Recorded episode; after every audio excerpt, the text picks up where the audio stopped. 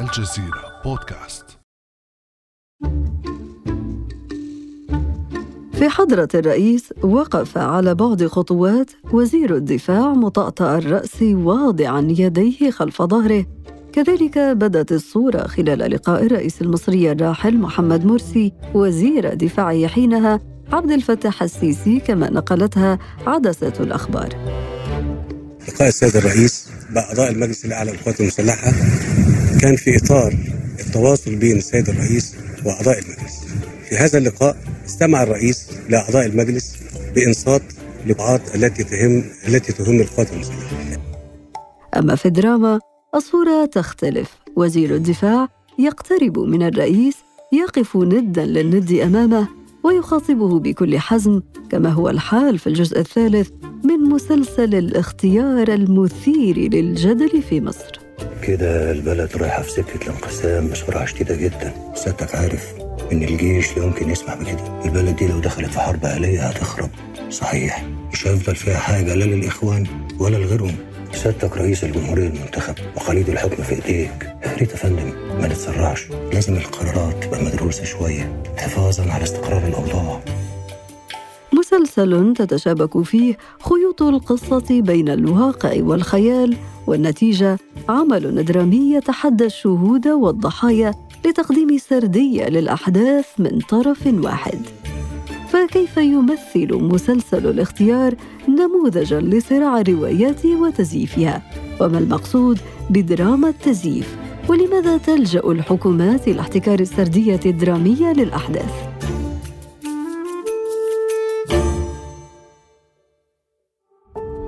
بعد أمس من الجزيرة بودكاست أنا أمان العريسي.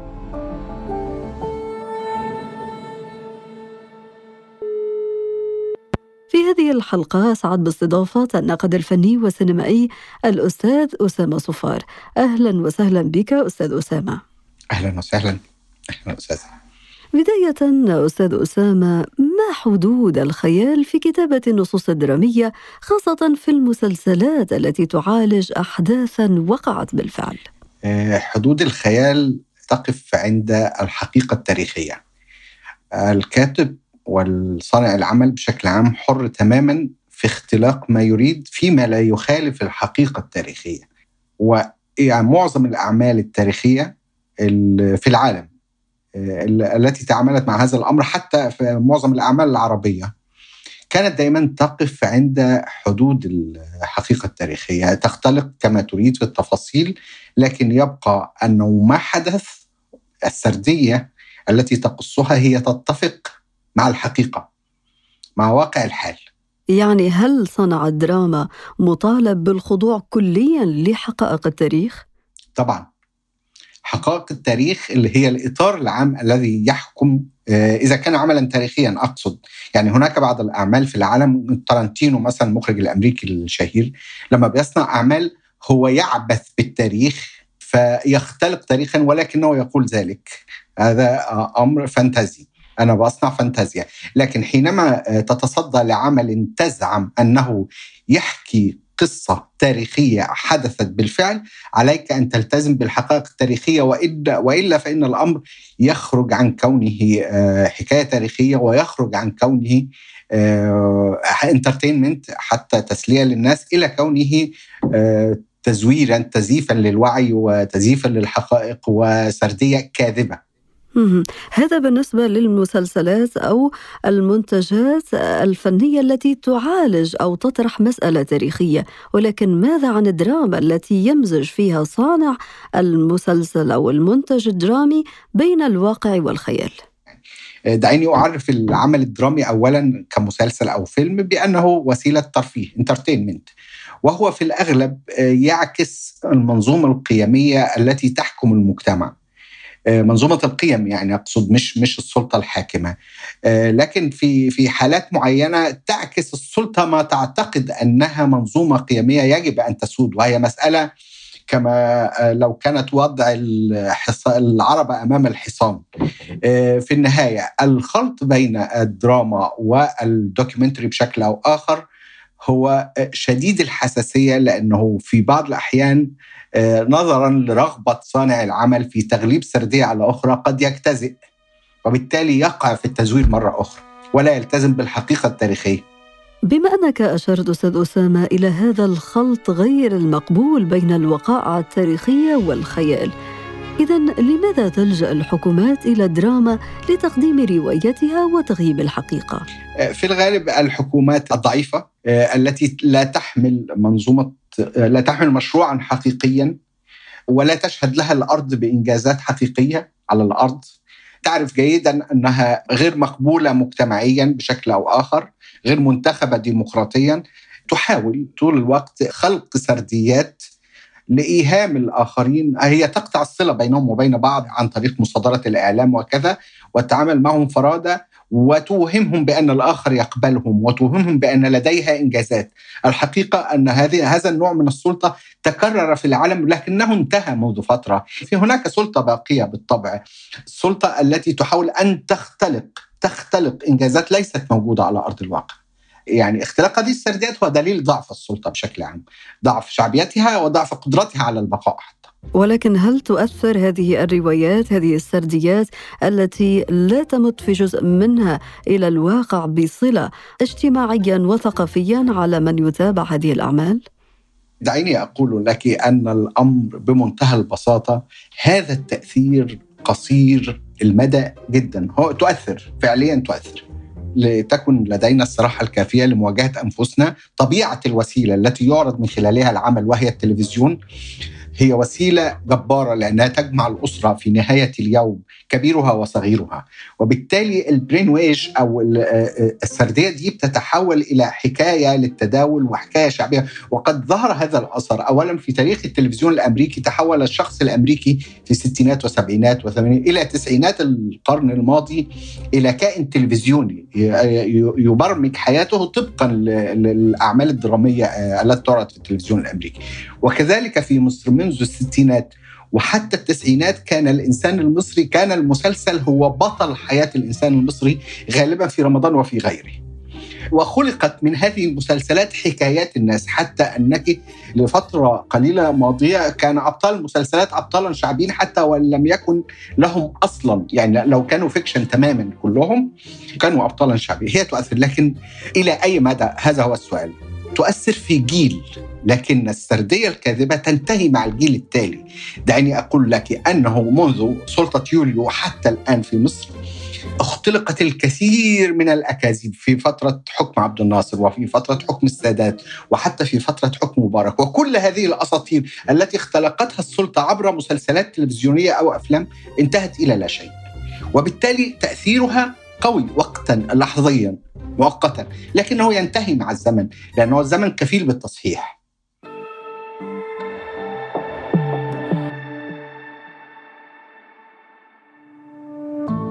ابقى على تواصل مستمر مع الجزيرة بودكاست ولا تنسى تفعيل زر الاشتراك الموجود على تطبيقك لتصلك الحلقة يومياً.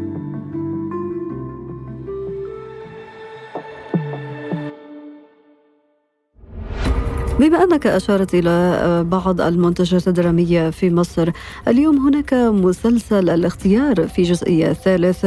هذا المسلسل أثار الكثير من الجدل وهناك من النقاد من اعتبره مشوها للحقائق من منطلق أنه يؤرخ لمرحلة تاريخية حساسة وقريبة من تاريخ مصر المعاصر. لنستمع إلى هذا المقطع من الإعلان الترويجي للجزء الثالث من مسلسل الاختيار. القرارات دي بدايه لحرب أهلية. مصريين؟ هينزلوا قصاد مصريين. انت هتيجي على السلاح وبس. ده في ناس كتير جايين من كذا بلد. يعني قنابل موقوتة وسط المصريين. إن القوات المسلحة تعيد وتكرر الدعوة. لتلبية مطالب الشعب. أنا مش كافر أنا مش وتمهل الجميع ثمانية وأربعين ساعة. أستاذ أسامة برأيك ما هي أبرز المشاهد التي تعتبرها تشويها للحقيقة؟ هو في الواقع خليني أجاوب بشكل مباشر. بشهادة الزور التي شاهدها صناع العمل على أنفسهم وهي مشهد الرئيس الراحل محمد مرسي وهو يخاطب المشير طنطاوي في وجود السيسي. وطبعا الإعلام بين قوسين البروباغندا استغل هذا الأمر في مسألة إنه دكتور مرسي رحمة الله عليه كان يهدد بانفجار الوضع أو حرق مصر أو ما شابه. دعيني أقول لك أنني لست منحازا لسردية الإخوان أو لسردية السيسي لكني أقول أنه ألف باء منطق وألف باء معرفة وألف باء حتى كتابة سيناريو تقول أن هذا الكلام لمن عاش هذه المرحلة وأنا عشت هذه المرحلة كان ردا على ما يقال بأن الانتخابات سوف تزور بأن النتيجة سوف تغير هو الرجل يقول بحياد شديد الوضع سينفجر لن تحتمله ولن نحتمله لكن صانع العمل اجتزأ هذا الأمر أورد الجزء الذي أراد أن يصور من خلاله الرئيس محمد مرسي وهو يهدد بانفجار الوضع ده بس نموذج من نماذج الأكاذيب التي أوردت داخل المسلسل. اجمالا المسلسل كذبة كبيرة وحالة تشبه مسلسلات الكرتون في الحقيقة. ابتداء من الصورة التي اوردوا عليها سرديه بالكامل انتهاء حتى باختيار البطل. يعني ينبغي لصناع العمل أن يعرفوا أن القصر ليس عيبا ليختاروا أطول ممثل في مصر يمثل دور الرئيس يعني. الأمر يعني بعضنا ليس طويلا وهو عبقري أيضا يعني. فلكن هي محاولة للإيهام بعظمة هذا الشخص أو لصناعة هيبة ما مفقودة. في هناك محاولة لإضفائها على المسلسل ككل وخلق أسطورة من هذا الشخص يعني. ولكن في هذه الأمثلة أو النماذج التي قدمتها من مسلسل الاختيار أستاذ أسامة هناك سؤال يطرح أليس من حق يعني الحكومات أو الأنظمة أن تقدم سردياتها عبر الدراما؟ هناك حتى كما ذكرت أنت ذكرت بعض الأمثلة في الولايات المتحدة الأمريكية. ديمقراطيات عريقة وتنتج مسلسلات حتى تدافع عن سرديتها دعيني أقول لك هذه حقيقة أنا أوافق لكن يا أخي هناك احتراف أن تكون محترفا ألا يتحول الأمر إلى كاريكاتير إلى مسألة عبثية ومضحكة. المسلسلات وظيفتها الأساسية هي الترفيه ريفليكشن لقيم المجتمع لكن وظيفتها أنت حولتها لكتاب تاريخ. اتفقنا حولها لكتاب تاريخ. لكن عليك حين تقدم سردية تحاول أن تقنع بها الآخر ألا تتصور هذا الآخر أو ألا تتصور هذا الشعب. شعب عبيط عفوا. شعب متخلف أو شعب بلا منطق. يعني أنت اخترت طريقة جاهلة أو جاهلة جدا في طرح ما تريد بدون احتراف. يعني هؤلاء الممثلين الذين اخترتهم مجندين وليسوا مكلفين لم يقدموا أدوارا كممثلين محت... أنت جندت كل جنود مصر في العمل كل ممثلي مصر في العمل. وهي على الأقل هذا هذا الاختيار. أنا متأكد أن هؤلاء الممثلين لم يكونوا ليرضوا بمثل هذا الأمر. لكن هي المسألة أنك قدمت شيئا أو سيناريو. لا يكتبه مستحيل أن يكتبه محترف لأنه سيناريو flat تماما سيناريو flat عبارة عن حالة من حالات الدعاية الفجة والسطحية لدرجة مضحكة ومزرية ومحزنة على الدراما المصرية في الحقيقة. سيناريو غير احترافي مشاهد تشكل كذبة كبيرة حسب وصفك أستاذ أسامة طيب ما هي الرهانات الحقيقية من وراء مثل هكذا مسلسل؟ لنبسط الأمر. دعيني أقول لك أنه دائما وهذه خبرات التاريخ الاجتماعي والسياسي للدولة المصرية وأعتقد لكل الدكتاتوريات في العالم يعني أنها تصبح محاولات لإرضاء فرد. يعني في تصوري أن المشرف على كتابة هذا السيناريو وصناعة هذا العمل هو الفرد الذي صنع من أجله هذا العمل من أجل إرضائه. من أجل إرضاء تصوره عن نفسه لدرجة أنه مثلا هناك مقولات أنه هو الذي اختار الممثل ياسر جلال لأداء دوره يعني. فهي الفكرة بهذه البساطة هو اختار هو العمل لإرضائه وبالتالي هم يعني يقدمون ما يعتقدون أنها عقيدته في الأمور. لنكن صراحة هو يعتقد أنه يفعل الأمر الصحيح. أن هذه مصر هذه هي ملك يمينه والقوات المسلحة هي الدولة وطلع لها معسكر مدني اسمه الشعب. وبالتالي علينا أن نحافظ على دولتنا لأنها مملوكة لنا. هذا هو تصوره عن الأمر. وأنه طيب ألم تسأل نفسك سؤالا؟ سؤالا واحدا فقط وأنت تقدم هذا الشخص وتحاول أن تصنع هذه الأسطورة أن ما تفعله يتناقض مع واقع الأمر سواء حين تولى وكان يعمل كونفيوجن في الكلام يعني يعني لم يكن طليقا في الكلام أو حين قدم وعودا لم يفي بواحد منها على الأقل ألا, ألا تتصور أن هذا الأمر لا يصنع أسطورة؟ وربما حجة صانعي دراما أستاذ أسامة هو أنه لابد أن يطلقوا أيديهم في الخيال في الإبداع لو التزموا حرفيا بالوقائع وبالتاريخ ربما لن يحدث ما ذكرته أنت من أهداف العمل الدرامي وهي الترفيه أليس كذلك؟ آه، في تصوري أنه نحن متفقين تماما لكن مسألة إذا لم تلتزم في الحقيقة بالحقيقة التاريخية فهذا ليس عملا تاريخيا. لا يمكن حسابه كسردية سياسية. أنت حشدت له كل وسائل الإعلام وكل وسائل الدعم وكل الأصوات التي أنت تضمنها طول الوقت معك وبالتالي أنت تقدمه كسردية تاريخية. آه، التاريخ ليس للعبث وليس للعب عفوا الأطفال وليس للعب الجهلة. طيب كيف يمكن أن تكون ردة الفعل أستاذ أسامة؟ زمان كان من يملك أدوات التمويل والاستديوهات وغيرها من أدوات الإنتاج الدرامي وحده من يمكن أن يحتكر رواية الأحداث عبر المسلسلات الدرامية. لكن اليوم هناك ثورة تكنولوجية والأمر يختلف كثيرا. برأيك لماذا لا يبادر من يعتبر نفسه ضحية لمنطقة التزييف؟ في هذه الدراما لينتج بنفسه أعمالا فنية منافسة وتحقق سردية يرى فيها الحقيقة. آه، أسبق الإجابة على هذا السؤال بجزء من ردة الفعل. دعيني آه، أصارحك بأن الكثير من النقاد المصريين يعرفون هذه الحقيقة وخلال التواصل الشخصي معهم يشعرون بين قوسين بالقرف مما يقدم على الشاشة باسم الاختيار لكنهم لا يجرؤون على هذا الكلام. طيب ولكن إذا لا يسمع المشاهد العربي رأي النقاد فكيف له أن يفهم ما وراء الرسائل التي توجه هذه الأعمال؟ للأسف هذا وضع تعرفين جيدا أنه إذا سمع المشاهد العربي آه، أصوات هؤلاء فسوف تكون هذه الأصوات وراء الأسوار فيما بعد. فيما يخص رواية الطرف الآخر دعيني أقول لك إذا كان الصراع بين سرديتين وبين طرفين سنقع في نفس الخطيئة. كاريكاتير. ومع ذلك الأكثر احترافا هو الأقدر على الإقناع وبالتالي آه، أنا رأيت يعني محاولات آه، وإن كانت بإمكانيات ضعيفة ولكنها كانت جيدة. كان في مسلسل اسمه الشتاء 2016 وكان جيد. كان بيؤرخ لفرار مجموعة من الناس عبر السودان إلى تركيا. بعد الانقلاب مباشرة وهذا تاريخ البشر الحقيقي تاريخ البشر وليس تسجيل بطولات للأجهزة وما شابه يعني.